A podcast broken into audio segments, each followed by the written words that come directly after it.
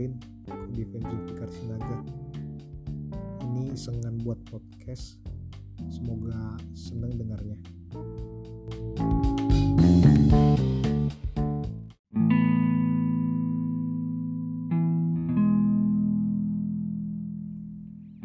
Kadang jadi baik nggak semudah yang dipikirin. Ada beberapa prinsip yang dari dulu aku pegang.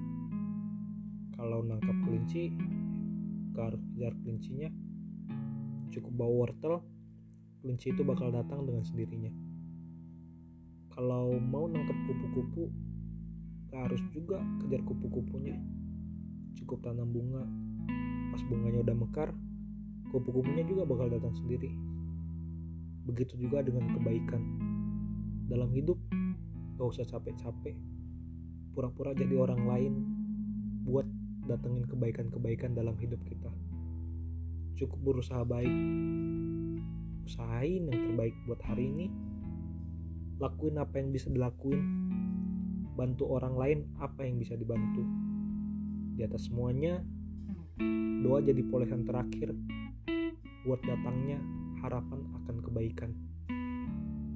Karena hal baik yang kita dapat hari ini bisa aja kebaikan yang kita tanam di masa lampau. Atau hal yang kurang baik kita dapat hari ini.